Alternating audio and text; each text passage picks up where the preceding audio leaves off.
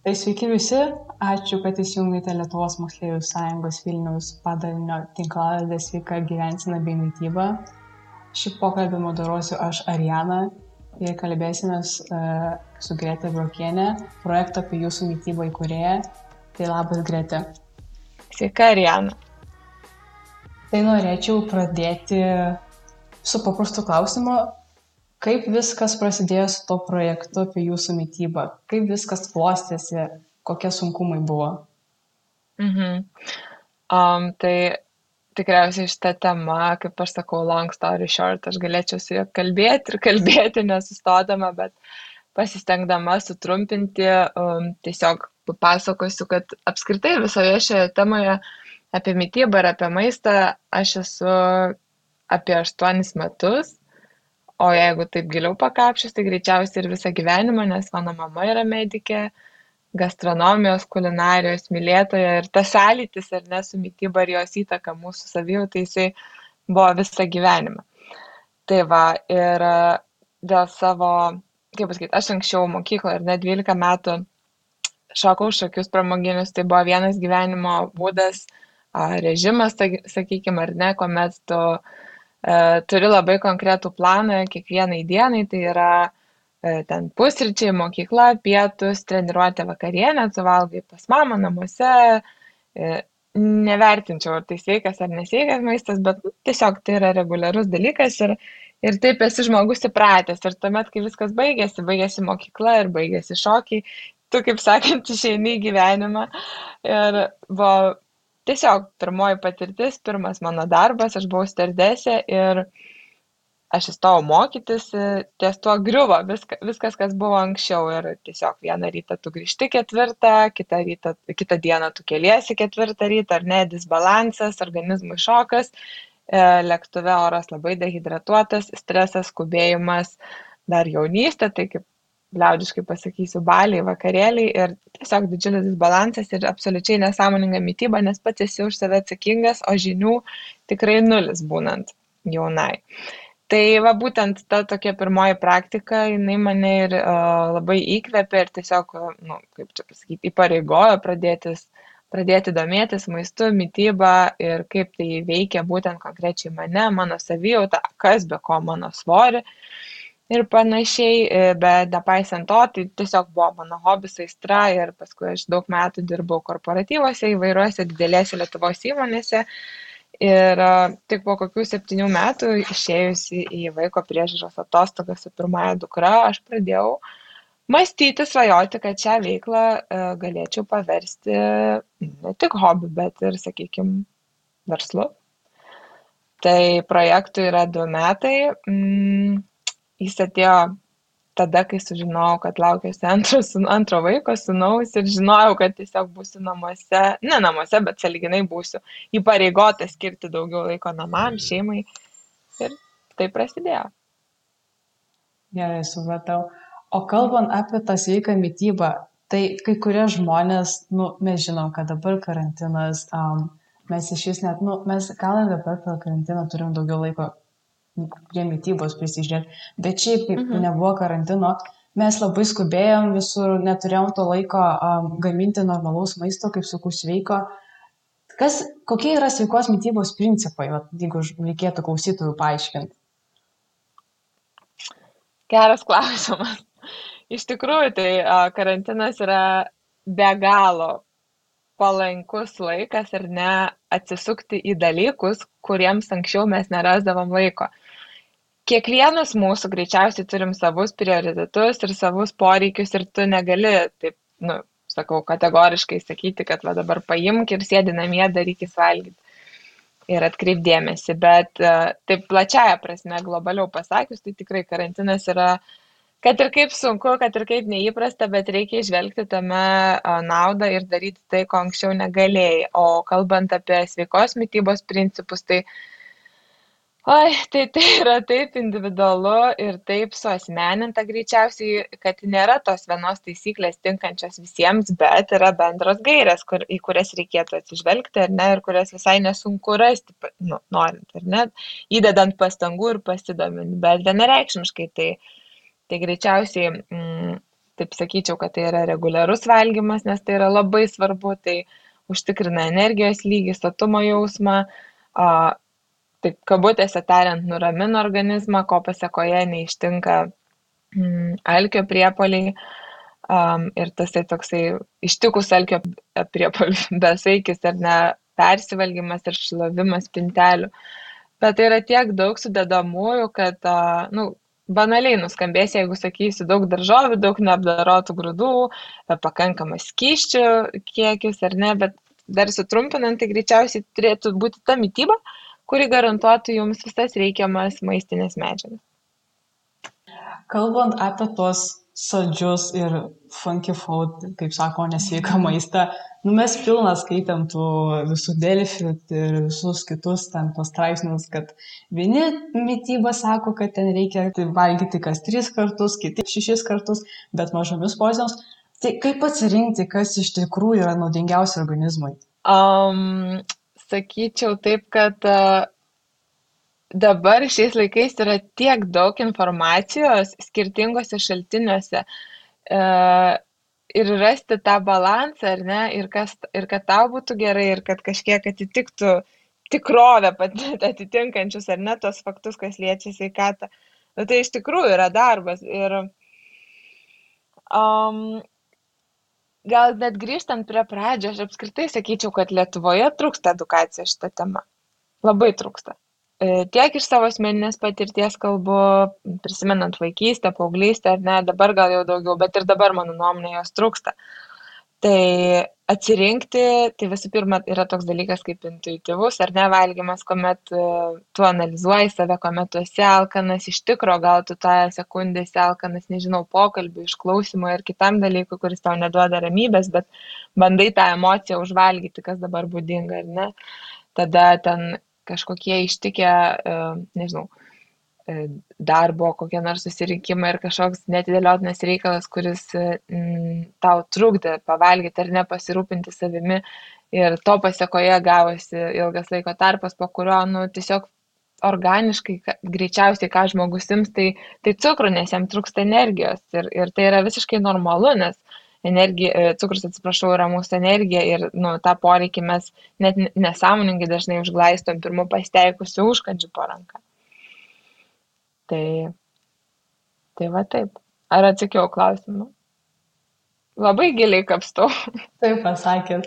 Tai o kaip atskirti tą emocinį alkį nuo tikro alkio? Nu, nes būna, kai pamatai kažką saldaus ir iš tikrųjų tu net nenori valgyti. Um, sakyčiau taip, kad um, emocinis valgymas, e, emocinis alkis ir tas fizinis alkis, tai čia kaip ir visur kitur gyvenime geriausia priemonė tai yra savianalizė kuomet tu esi e, gabus ar ne, įgalus, sakykime, save šiek tiek sustabdyti ir įsijungti, kaip aš sakau, galvą ir galvoti, kas dabar vyksta, iš kur va tas beprotiškas noras ar ne, nu kažkam, nežinau, kiekvienam skirtingai, ten vienam šokoladui, kitam, nežinau, lašišai ar dar kažkam, ne, neišeikime kraštutinumus, bet savinalizė apskritai yra a, savybė, kurios linkėčiau kiekvienam, nes jinai veda prie neįtikėtinų rezultatų ir atradimų bet čia yra vienas ar ne dalykas kitu atveju tai gali būti ir psichologinės pasekmės kuomet jau tikrai e, labai skatinu visus nebijoti ir kreiptis į specialistus, tai yra į nu, terapijas, psichologus. Tai va taip, bet ta, ta, tas momentas, ar ne, kai tu nežinai, ar tai emocinis alkis, ar, ar, ar tai yra fizinis alkis tas tikrasis, tai tiesiog stengtis rasti savyje jėgų, e, stabdyti toje akimirkoje sustoti ar ne ir galvoti, kas vyksta. Iš kitos pusės emocinis valgys gali būti, nežinau, ten tarkim, ar ne pavyzdys, McDonald's bulvytės, nes tiesiog esi pavargęs visą dieną, nežinau, ten nudirbęs daug darbų, vaikai, kaip čia, va, tarkim, mano praktika, ar ne, vaikai sumigdyti, vyras grįžo namo, darbo savaitė baigėsi ir tu nieko daugiau nenori, tik ten, tarkim, McDonald's bulvyčių ir jas tada užsisakyti, suvalgyti, pasimėgauti irgi yra gerai, nes tai bus sveika tavo emocijom ir sveika tavo galva. Tik tai reikia praanalizuoti, vad kodėl dabar jos mano galvoje. O kalbant, jau, jau mes jau pakalbėjome apie tą emocinį ir tikrą algį, bet prasideda tokie potrapiai, ypač pas auglius, bet ir pas augusius būna, tas protarpinis badavimas, kokia būna nauda ir žala, tiksliau naudos gali būti ne, visiškai nebūčios. Lyg tai ir mano, ir ne mano kompetencija, ar ne, bet kas yra protarpinis badavimas? Tai yra paro, paros para 24 valandos padalinta į tarpus, kuomet yra tas angliškai vadinamas uh, eating window, kur ne va tu gali valgyti viską ar ne kaip nori, kada nori, ir fasting window, uh, kuomet tu nevalgai. Ir vėlgi grįžkim prie to, kad uh, tas protarpinis badavimas yra visur, uh, arba tiksliau daugeliuose šaltinių ar ne, labai skirtingai aprašytas. Vienur tai yra mokslo pagristi dalykai, kitur tai yra mėgėjų, uh, mėgėjų kurie ant savęs pabandė ir dabar skleidžia tą žinią. Tai um, gal tokia pagrindinė klaida e, žmonių, tai stoko, stoka ar ne kritinio mąstymo, kuomet jie perskaito, aha, aš 8 valandas valgysiu, ką noriu, 16 nevalgysiu ir viskas bus gerai. Vis tiek, nu, dažniausiai, ar ne, ten, sakykime, 90 procentų skaitančių apie tas dietas ir panašiai, jie nori paprasto lengvo būdo numesti svorį, bet, bet tai prasideda ne nuo dietų, tai prasideda galvoje. Ir mano pačios, jeigu klausėt asmeninės nuomonės, tai, nu, tai tiesiog yra sveika ilgesnį laiko tarpą nevalgyti, bet pasilikim tai nakčiai. Neveltui iš, iš tų senų laikų yra taisyklė atėjusi, ar ne, nevalgyk po šešių. Tai tikrai organizmas pails ir ten vyksta ląstelė regeneracija, kiti procesai, bet ir vėl mes turim labai nu, atsargiai apie tai kalbėti, nes e, paauglius paminėt, tai yra jautri grupė, tai yra um, brestantis organizmas, kur, kur tiesiog daug procesų vyksta ir jie ypatingai imlus visokiom informacijom, tokiom patiktom socialiniai medijai ir kažkur kitur. Tai, tai jeigu iš tikrųjų žmogus ar nesusigundė pabandyti, labai labai skatinu kreiptis į specialistą, kuris pagrys jam. Logiškai ar ne, kas tai yra, nes iš tikrųjų tai 8 tas valandas dėrėtų valgyti ne tai, kas šauna į galvą, ten, tarkim, arba galvoti, kad galiu valgyti, ką nori, bet neskriaus savęs ir, vat, kaip minėjau pradžioje pokalbio, aprūpinti organizmą reikiamom medžiagom maistinėm. Minėjote tas dietas. Iš jūs ar verta laikytis tų dietų? O kas yra dieta? Tai išvertus ar ne žodį dieta iš um, senovės graikų kalbos, tai yra e, reikšmė žodžio dieta yra gyvenimo būdas, ar ne? O laikytis dietų, tai vienintelė dieta, ar sakykime, vienintelės dietos, kurios nu, šiais laikais, kaip čia pasakyti, egzistuoja, tai, tai jas gali skirti tik tai gydytojas, dietologas, medikas kvalifikuotas ir e, dieta, tas gyvenimo režimas nėra skiriamas su priežastimi. Pavyzdžiui, žmogus ten, tarkim, nežinau, turėjo kokią nors žarnyno onkologinę ligą ir jam yra pašalinta dalis žarnyno kaip pavyzdys ir gydytojas dietologas sudaro special, specialią mytybą, mytybos režimą, specialią dietą. Tai taip sakykime. O visi kiti reikalai, kurių yra pil, pilni internetai, kaip aš sakau, tai ten keto dieta, nežinau, zero carbs dieta, ten vaisių dieta ar dar kažkam tai yra, nu taip, tai yra mytybos režimas, taip sakykim, bet, nu, apie nieką, nes tai yra kraštutinumai ir betiksliai. Okay, supratau. O kalbant, pavyzdžiui, dabar apie stresą, nu, mes, šiaip, mes visada patirim tą stresą ir paaugliai, ir šiaip suaugusiai. Ar yra maisto produktai, kurie padeda kovoti to, su to stresu? Ar čia irgi toks kaip mitas ištrauktas iš interneto? Mhm.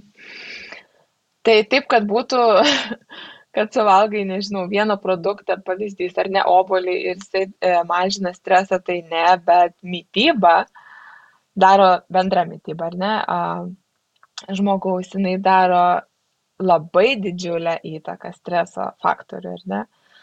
Ir kai jinai yra subalansuota, tai ką reiškia ta subalansuota mytyba, jau nuvalkė tą frazę iki negalėjimo. Tai vad kaip ir sakiau, ar ne, kai tu gauni visus vitaminus, makro, mikro elementus ir tas maistines medžiagas, tai tiesiog yra angliavandeniai, baltymai, riebalai. Aš tik tai pasikartosiu, kalbu apie sveiką žmogų visiškai, ar ne, neturinti diagnozių.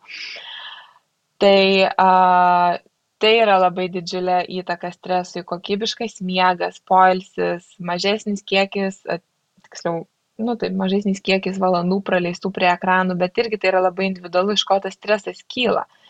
Nes a, vis tik esant a, atmetus visus dalykus ar ne, kuriuos išvardinau, tokį kaip kompleksinį, holistinį požiūrį į tą į tą stresą, čia užburtas ratas, tai irgi greičiausiai, kad nekalbu jokiais būdais apie medikamentus, bet specialistas turėtų į tai atsakyti. Bet aš tikrai drąsiai teigiu ir labai linkiu visiems to tokio kompleksinio požiūrio, o ne vilties, kad suvalgius kažką vieno pasikeis situacija. Na taip. O kalbant apie tos nutukimus, šiaip prieš porą metų buvo akcentuojama, kad um, Lietuvoje yra labai didelis nutukimas. O kokia situacija dabar? Ar jį iš vis pagerėjo, pablogėjo, ar vis tiesiog stovi vietoje? Tai kiek aš atsimenu, man atrodo, ta tokia, saliginai šokiruojanti statistika čia pagarsėjo, užgarsėjo 2015 metais. Tai jau čia kuris laikas, šeši metai, kaip dabar reikėtų greičiausiai kreiptis į statistikos departamentą arba visuomenės sveikatos e, specialistus ir panašiai, bet grįžkim prie to, kodėl lietuvių nu, tauta ne, buvo paskelbta kaip ten turinti viršsvarį ar jau nutukimą. Tai, tai dėl tų netikusių mytybos įpročių, kurie, kiek man teko skaityti, buvo pagristi dideliu kiekiu miltinių produktų, bulvių ir tos vat, disbalansą, ar ne, mytybos. Tai nieko keista, bet tai eina mūsų, e, kaip pasakyti, šalyje nuo amžiam žinųjų. Tai visi žino, kad bulvės tradicinis lietuvių patiekalas ir Ir e, nėra nieko blogo su to bulvė iš tikrųjų, bet, bet reikia nusaikingai ir, ir žiūrėti, su kuo valgai. Bet nors aš ir mėgstu sakyti, kad sveika mytyba prasideda šeimoje, ar ne, ir tėvai turėtų edukuoti vaikus apie mytybos įpročius ir principus, bet tai tęsis ir ypatingai uh, tuomet, kai vaikas vis mažiau yra priklausomas nuo tėvų, kai jis pradeda į mokyklą ir, ir tęsiasi, nu, išeina, kaip aš sakau, gyvenimą, ar ne, kaip ir man buvo panašiai. Tai labai trūksta edukacijos elementarios ir ten, tarkim, žiūrinti visuomenės sveikatos puslapį, ar ne, kur yra e, gairės, tarkim, sakykime, mytybos prieinamos bet kam, nu, jos nėra teisingos, mano nuomonė.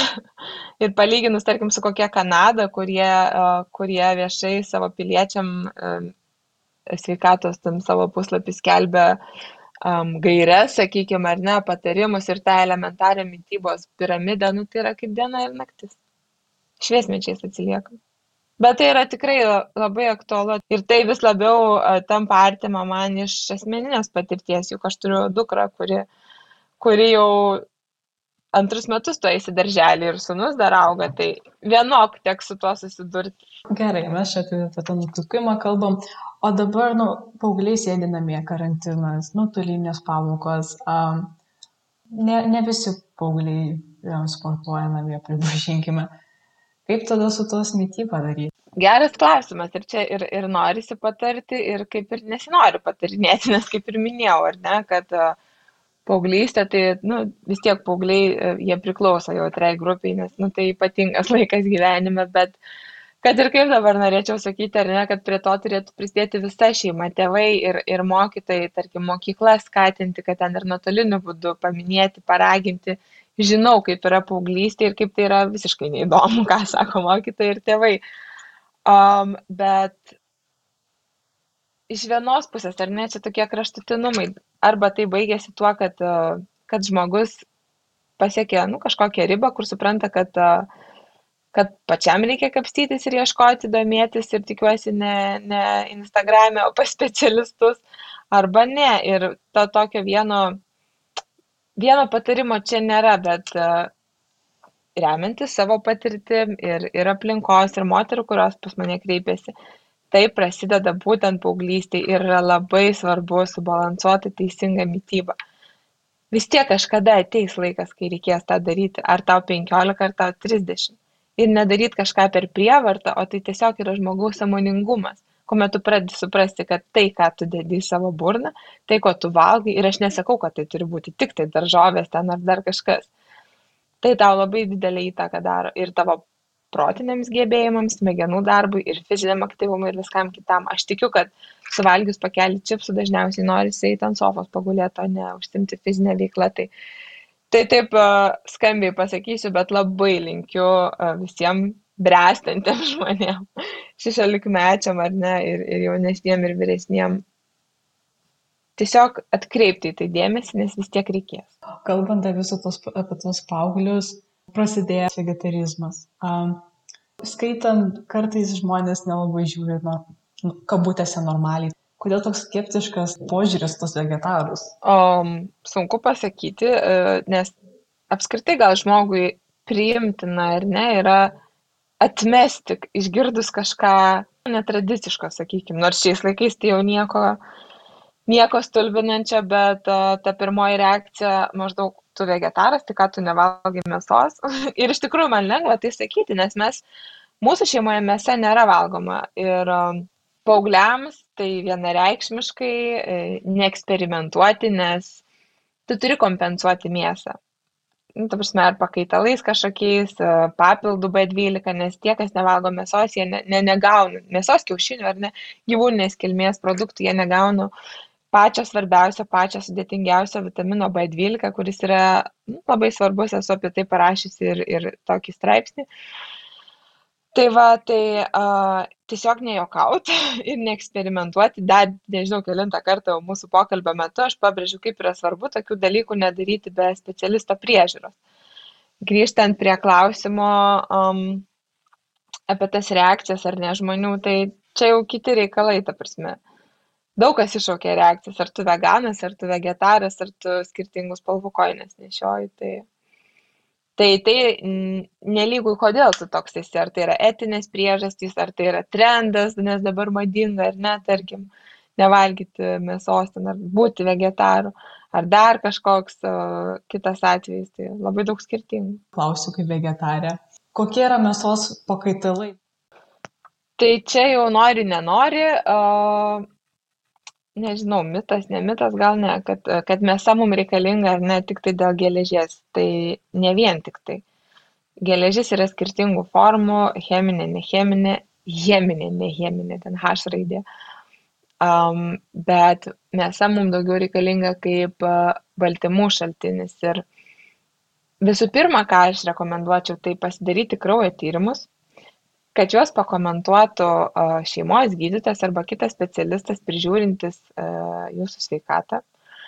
Ir tuomet su juo apsitarti, ar ne, galbūt jisai nukreiptų ir pas daktarą dietologą, kuris galėtų tą tokią pilnavertę mytybą sudėlioti planą ir panašiai, ar duoti išvalgų ir patarimų, bet iš kitos pusės, tai čia jum asmeniškai, nes vis tik esate jautri grupė paauglė. Uh, bet e, nėra nepakeičiamų dalykų. Mėsa tikrai e, yra pakeičiama kitais baltymais, tai pavyzdžiui, sojos e, gaminiai, ar ne, juk dabar pilna ir tų visų sojos kepsnių, ten visokių kukulių ir vos nešašlykų. Um, tofu, uh, ankštiniai, avinžirniai, pupelės, lešiai. Uh, tada geležies geresnis išsisavinimas, ar ne, jeigu ten įkrose, beje, labai daug geležies um, uh, tuomet produktai turintys daug geležies turėtų būti valgomi kartu su produktais turinči, turinčiais vitamino C, ar ne, su daržovėmis, su vaisiamis, nes jį, vitaminas C gerina geležies įsisavinimą. Bet ne, nepaisant dėl kokių priežasčių jūs nevalgot mėsos, uh, tikrai įmanoma uh, valgyti pilnavertiškai ir subalansuotai, net ir eliminuojant mėsos produktus. Ar ir kiaušinius, nežinau kaip ten pas jūs. Nu, kai kurie tiesiog eksperimentuoja, bet, kaip, pavyzdžiui, iš mano pusės tai valgau dėl to, kad tiesiog mano organizmas nepriema tos mėsos. Um, o kalbant apie pieno uh, produktus, na, yra mitas, kad nevalgant pieno produktų oda pagražėja. Ir žmonės pradeda keisti paprastą pieną į avižų pieną, riešutų pieną. Bet kartais žmonės tiesiog negali vartoti pieno produktų dėl sveikatos problemų. Tai ką valgyti, ką gaminti, tai iš tų pieno produktų kitų tiesiog negali valgyti. Mhm. Tai um, dažniausia žmogaus reakcija į pieną, į pieno produktus, tai uh, netoleravimas ar alergija ar ne yra į kazeiną, tai yra pieno, karvės pieno baltymas, arba laktozė, tai yra uh, karvės pieno, pieno cukrus, ar ne? Tai iš tikrųjų e, maži vaikai, kai mes gimstame, maždaug iki penkių metukų, e, fiziologiškai mes turime savo organizmuose fermentą laktazę, kuris yra atsakingas už laktozės pieno cukraus skaidimą. Mes augam ir to fermento mūsų organizmuose mažėja, mažėja su metais ir dėl to labai daug saugusių, nu, vat, negali ar ne gerti grino karvės pieno, nes tiesiog pučia pilvą ir visokie kitokie simptomai. Bet labai daug kas klaidingai įsivaizduoja, kad absoliučiai visi, čia aš dabar tik tai apie laktozę kalbu, visi pieno produktai jos turi ir į dabar, nu, vėl, mada, trendas, nežinau kaip, ateina, tarkim, ir sako, aš netoleruoju pieno produktų, žodžiu, iš visų esu atsisakęs, kai tai yra mums labai svarbu, bet esmė tame, kad, pavyzdžiui, kefyras ar ne, tarkim, koks nors sūris, kad, kad ir kietasis parmezanas, varškė, um, pasukos, ten tarkim, jos savyje laktozės pieno cukrus beveik nebeturi, nes tai yra fermentuotas rūgės daiktas, produktas ir fermentavimas metu tas pien, nu, nelieka laktozės, jis dinksta, žūna arba lieka labai mažas pėtsakas. Tai čia kalbant apie apie tą netoleravimą ir e, nenorėjimą vartoti laktozės, ar ne? Tai yra tiesiog grynas, reikėtų vengti tuomet gryno karvės pieno. Vat, o grįžtant prie alergijos pieno baltymui, tai, e, tai ką tuomet daryti, tuomet vėlgi aš ir sakau, e, tai yra labai individualu ir labai skirtinga ir tikrai tų alergijų yra ir, ir nemažai ir vienareikšmiškai tuomet reikėtų kreiptis į gydytoją dietologą, kuris sudarytų ar ne tą pilnavertę mytybą, nes nu, mes turim gauti tai. Ir iš kokių produktų, uh, iš kokių produktų galėtumėm jį gauti, pas, gali pasakyti tik tai specialistas, įsigilinęs labai konkrečiai po kraujo tyrimų ir po visų kitų reikalingų, ten tarkim, tyrimų į kiekvieną jūsų organizmą. Negali taip spėlioti. O grįžtant prie, prie tų augalinių ar ne visų pienų, ten avižų, sojo ir viso kito, tai yra labai sveikintina, nes tai, nu, tikrai yra sveikiau suaugusiam žmogui negu karvės pienas paprastas, kas kavą ypatingai mėgsta gerti pieną. Tai puikus pakaitalai. Bet aš kalbu konkrečiai apie pieną, ne apie kitus pieno produktus. Minėjote tą sveiką mytybą.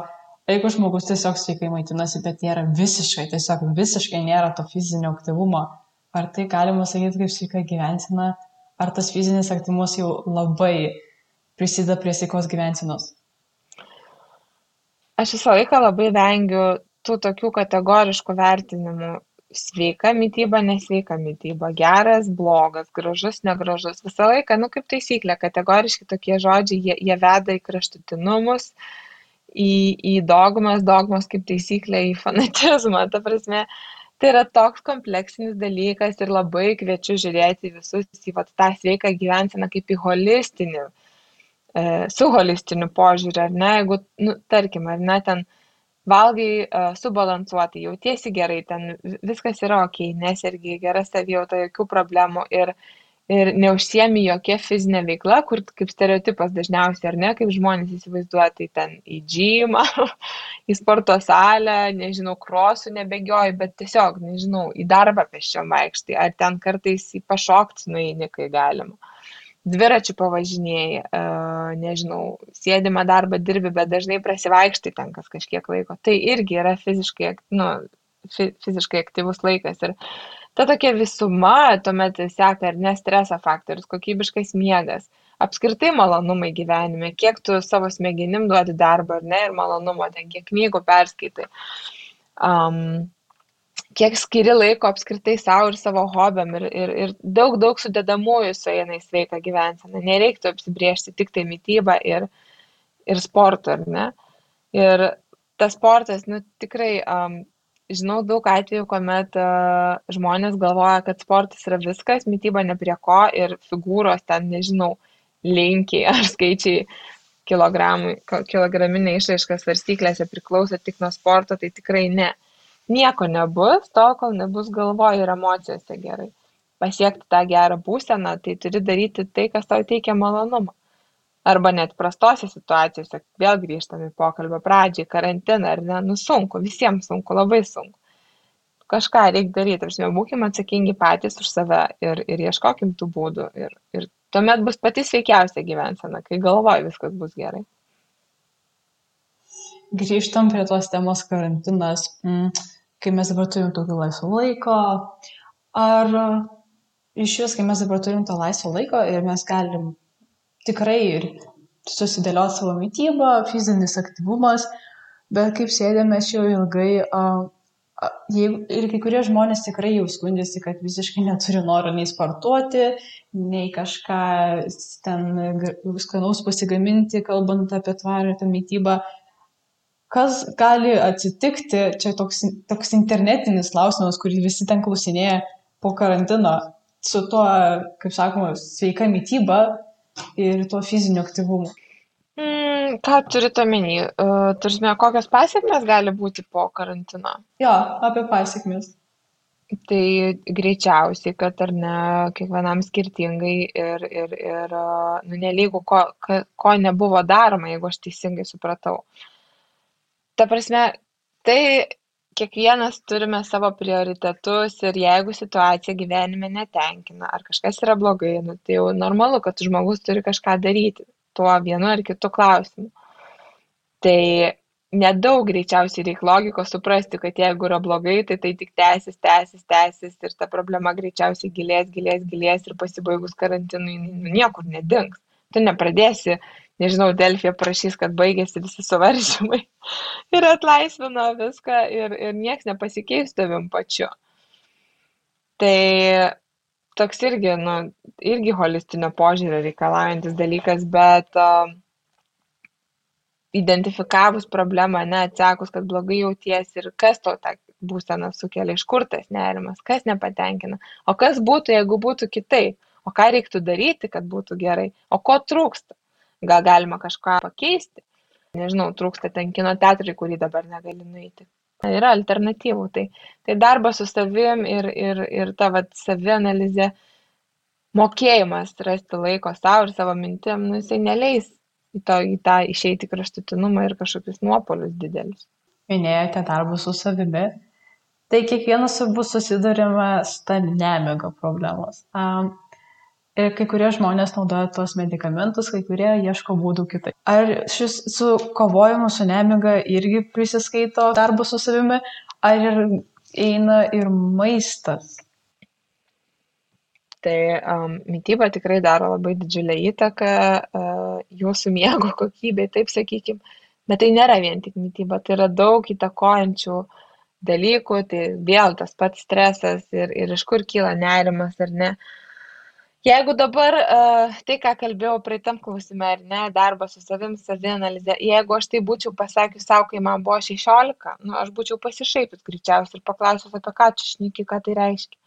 Tai vad labai sunku šnekėti per tą prizmę, ar ne, kai kuomet uh, pati bandai grįžti atgal laiku ir ne, neklausyčiau tikriausiai, kad man kažką pasakytų, bet medikamentai tai yra nu, kraštutinė priemonė tai yra e, galbūt gydymas ane laikinas e, problemos išsprendimas, bet tai nėra problemos identifikavimas. Tikrai šiais laikais turime pilną krūvą galimybių ir specialistų, kurie tuos klausimus sprendžia. Ir vat, darbas su savim šiuo atveju būtų tas, kad yra nebijojimas. Ir tikrai manau, kad a, nežinau, kiek čia dabar teisingai padarysiu tai pasakydama, bet tikrai ne visuomet reikia tėvų pagalbos yra paauglių linija ir viskas kitas, nes nemiga, nu ką, jeigu tu nemiegi, tai, tai organizmas kenčia, jisai senka. Tarsi tokį dalyką reikia spręsti ir greičiausiai paauglystės metu, ar ne, tai yra nu stresas. Aha, o kalbant apie, e, nu, pavyzdžiui, ar galėtume duoti patarimų, jeigu žmogus nori pradėti keisti savo mytybą, savo visą fizinį aktyvumą, iš vis tvarkyti save, kaip sakoma, kokių duotumėt patarimų, kad visiškai nepilnai pasikeistų gyvenimo ritmas, būdas, bet pasi, nu, pradėtų dirbti su savim? Tai uh, tikriausiai tas pats pirmas toks dalykas, kurį norėčiau pasakyti, tai suprasti vardan ko tai darai, tai nu, dėl svarbiausio žmogaus savo gyvenime, dėl savęs ar ne, ir, ir darai, tašne, tiesi tą pagalbos ranką savo visam gyvenimui, nes visą gyvenimą mes turėsim valgyti už tai, kad tai yra kūras mums, mūsų organizmam. Tai yra mūsų ir laimė, ir malonumas, ar ne maistas, kelionių patirtis, socialinis, kultūrinis gyvenimas ir panašiai. O tos tokios motivacijos, kad neprarasti ar ne, tai, um, nu kaip ir sakiau, ar ne, darai tai dėl savęs, e, priemonių šiais laikais labai daug ir kitas dalykas, ar ne, kuris irgi labai svarbus ir greičiausiai būdingas paaugliams ir bandau pati save dabar prisiminti, tai nėra to paprasto ir lengvo kelio, kai viens, du, paskaičiau dėl, nu, nenoriu, ten, tarkim, portale kažkokiam ar ne, um, straipsnį apie kokią nors dar vieną stebuklingą dietą ir aš, tarkim, jos laikysiuosi ir įvyks stebuklas. Ne. Tai va tas toksai įsivertinimas, ar ne, kad nėra um, lengvo ir labai greito kelio. Nesvarbu, nepaisant to, e, kurioje vietoje esi ir kiek to kelio dar reikės nueiti, ar pradžiojo, gal per vidurį, bet vis tiek reikia kažką daryti, kad keistųsi dalykai tavo gyvenime. Tai du gal ir ne tokie išskirčiau, kad, nu taip, realybę įsivertinti, kad, kad tai reikalauja darbo ir vėl matyti, kiek kiekviena situacija individuali. O kalbant, pavyzdžiui, kai būna tokių situacijų paaugliams, kai tėvai priverčia pradėti sveikai maitintis, vien valgyti daržovės, o vaikai tiesiog, nu, paaugliai visiškai tiesiog to nenori. Ir gaunasi tai, kad namie valgai sveikai, nes tėvai ruošia tau maistą, o išėjęs į mokyklą su draugais nu, valgai tą nesveiką maistą. Tai klausimas, kaip e, tvarkyti su tuo, ar ar su tiesiog tėvams labiau čia klausimas būtų, ar iš vis taip reikia vaikus priversti tipo sveikai valgyti ir iš vis kaip organizmas reaguoja į tokius, kad vieną valgai sveikai, kitą kartą iš vis prisikimči daug uh, nesveiko maisto. Vėl ar ne, tas tai sveikai, nesveikai, gerai, negerai. Um, gal vis tik e, iš vienos pusės, ar ne, nu, čia negalime persversti svarstyklių į vieną ar kitą pusę, iš vienos pusės tai yra paauglystė, nu, mes turim praeiti tokius dalykus, ar ne, ir tai bus mūsų patirtis, tai bus mūsų pamokos, iš ko mes mokinsimės ir darysimės išvadas. A, labai a, e, noriu palinkėti visiems, kad jos nebūtų skaudžios ir nesu blogom kažkokiam pasiekmėm, ar ne, ir nu yra taip jau gamta sutvėrė kad kad tas mai maištingas periodas jisai greičiausiai būdingas visiem ir um, jo vis tik aš galvoju kad kad jį pragyventi reikia ir vienaip ar kitaip jis vis tiek įvyks. Tėvai visą laiką norės savo vaikam gero vienu ar kitu būdu ar ne? Ar ten kaip sakėt minėjot daržovės nors daug kas įsivaizduoja ypatingai paauglystėj ar ne vaikystėj kad tos daržovės neskanu ir panašiai bet viskas ateina su amžium. Ir, um, ir tiesiog. Okay. Ir kadangi mūsų klausosi turbūt tikrai ne vien paaugliai ir saugusi, ką palinkėtumėt, vat, kalbant, vat, žmogus nori pradėti tvarkytis, nu, vat, ką palinkėtumėt plamai iš jūs visiems klausytojams? Ką aš tikrai noriu palinkėti, tai ryšto ir motivacijos, nes um, tai yra labai svarbus žingsnis, labai didelis žingsnis, jis nežinau, kelintą kartą jau sakau, ar ne, yra daromas dėl savęs ir greičiausiai visam gyvenimui. Ir kaip ir visur kitur bus ir sunku, tikriausiai bus ir neaišku. Ir, ir va taip tos tokios, nu, įkvėpimo, tokio motivacijos, nes tai yra labai svarbu. Bet kitas dalykas - tai nebijoti kreiptis ir ieškoti pagalbos. Vėlgi, ta prasme, gyvenam tokiais laikais, kur, kur tikrai uh, nesunku ją gauti. Ir daugelis specialistų yra pasiryžę ją suteikti ypatingai paaugliam, ta va toj, va, jautroj vietoj. Žinodami, kokią vertę tai sukuria gyvenime ateičiai. Tai, nu, tiesiog, manau, kad ir tie patys tėvai greičiausiai sudirbtų komandinį darbą su, su paaugliu, kuris ieško pagalbos ar nori kažkokių pokyčių savo gyvenime. Ir tikrai um, žinau ne vieną organizaciją, kuri, kuri per, tarkim, ten laisvalaikio principų ar nestovyklų principų keičia konkrečiai gyvenimo, uh, negyvenimo, atsiprašau, mytybos įpročius, fizinio aktyvumo, kažkokias ten mm, pomėgių, sakykime taip, ir, ir galiu tikrai pas, galėsiu pasidalinti rekomendacijom. Ir tai jau yra norma, nes esam visuomenėje, nu, nusiritę į, į tam tikras į kraštutinumus, sakykime, kai jau reikia tokių dalykų ir, ir keistis ir daryti kitaip viską, pradedant mytybą ir baigiant apskritai tą visą sveiką gyvenseną, tą frazę. Tai. Ačiū Jums, kad e, sutikote sudalyvauti ir pasidalinti savo patarimais ir mintimis. Tai um, turbūt paskutinis būtų klausimas, tos stovyklos, kur ką tik minėjote, gal galite labiau plačiau papasakoti? Kiek man te, aš neminėsiu pavadinimų, e, bet jos yra rengiamos, e, man atrodo, ar tik negydytas dietologas jas rengia. Tikrai galėsiu atsiųsti linką ir pasidalinti informaciją, bet jos yra, jas kreipiasi šeimos, kiek teko domėtis ar ne ir matyti, kur problema jau yra gana rimta ir tai yra e, smarkus paauglių ar vaikų viršsvoris, nutukimas ir ten, nežinau, diabeto užuomasgos ar kitų lygų. Ir viskas vyksta per edukacinę prizmę, per ne kažkokius, kaip aš sakau, įstatymus įrėmus, draudimus, taisyklės ir panašiai. Mm, gamtoje ir vaikai yra mokomi patys rinktis užkandžius, maistą, gaminti, rinktis produktus ir kiek, kiek teko skaityti, tai šeimų ar ne tėvų atsiliepimai yra tikrai spūdingi.